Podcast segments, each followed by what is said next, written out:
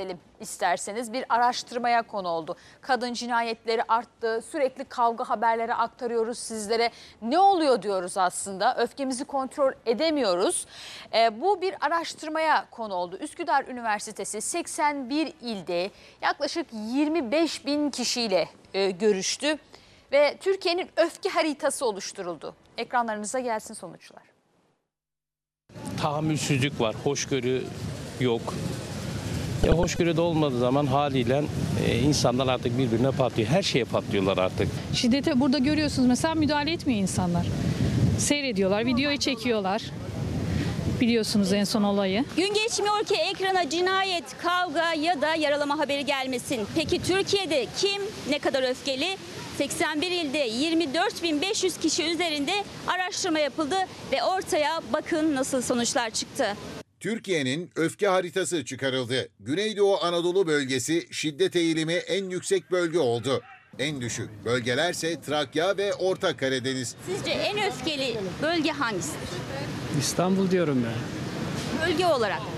Marmara bölgesi. Araştırmada Güneydoğu Anadolu bölgesinin daha öfkeli olduğu ortaya çıktı. Yo yo yo Güneydoğu Anadolu bölgesi. Ben de bir doğulu olarak kendimi şey etmiyor. O taraf mesela daha hanımlarına düşkün. Zaten hanım, çoluk, çocuk, kadın dedi mi bir evin gülüdür. En az e, Marmara Ege diye tahmin ediyorum. Trakya, Orta Karadeniz. Orta Kar- Karadeniz'de biraz da fazla olabilir ama. Üsküdar Üniversitesi'nin yaptığı araştırmaya göre şiddet eğiliminin en yüksek olduğu yaş aralığı 18 ila 23. Bu yaş grubunda erkekler kadınlardan daha öfkeli. Yaşlı insanlar da şiddet uyguladığını duyuyoruz. Küçücük çocukta da görüyoruz şiddeti.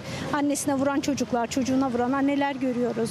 Torununu döven dedeler görüyoruz. Yaşla çok ilgisi olduğunu düşünmüyorum. Şiddet eğilim oranı kadınlarda %24, erkeklerde %27. Yani aradaki fark çok az. Araştırmaya göre kadınlar da erkekler kadar şiddete eğilimli. Erkekleri ön plana çıkaransa uyguladıkları şiddet daha yıkıcı ve görünür olması. Tabii ki erkekler gösteriyor. Yani kadınlar ne yapıyor ki? Hiçbir şey yaptıkları yok. Çocuğunu dövse mesela o şiddet sayılmıyor. Terbiye veriyor. Çocuğuna terbiye veriyor. Öfke kontrolünde medeni durum da etkili. Bekar erkeklerde saldırganlık riski daha yüksek. Alkol ve madde kullanımı da şiddeti körüklüyor. Ben zamanında çok şiddet gördüm. Ee, oğlum evlenirken ona dedim ki bu kız seni tercih etti geldi ona el kaldırmayacaksın dedim.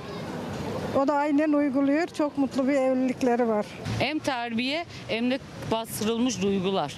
Uzmanlara göre şiddetin tırmanmasının bir diğer nedeni yeni nesil anne babalar. Her isteği yerine getirilen, sabırsız yetiştirilen çocuklar büyüdüklerinde şiddete eğilimli oluyor. kadınları iyi yetiştirmek lazım ki o kadınlar da çocukları iyi yetiştirsin. Yani bu bir döngü aslında. aileden nasıl görüyorsa anneden babadan o insan biraz yanı vicdanın merhametli yetişmesi lazım. Peki şiddetin önüne nasıl geçilecek? Uzmanlara göre ergenlik döneminde önlem alınmalı. Gençlere stres yönetimi, sorunlarla başa çıkma ve öfke kontrolü öğretilmeli.